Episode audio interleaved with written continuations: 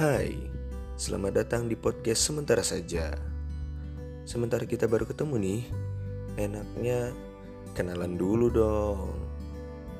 Oke, podcast ini mungkin ke depannya akan ngebahas bahasan yang ringan tentang kisah-kisah remaja atau kisah yang relate dengan kehidupan sehari-hari kita.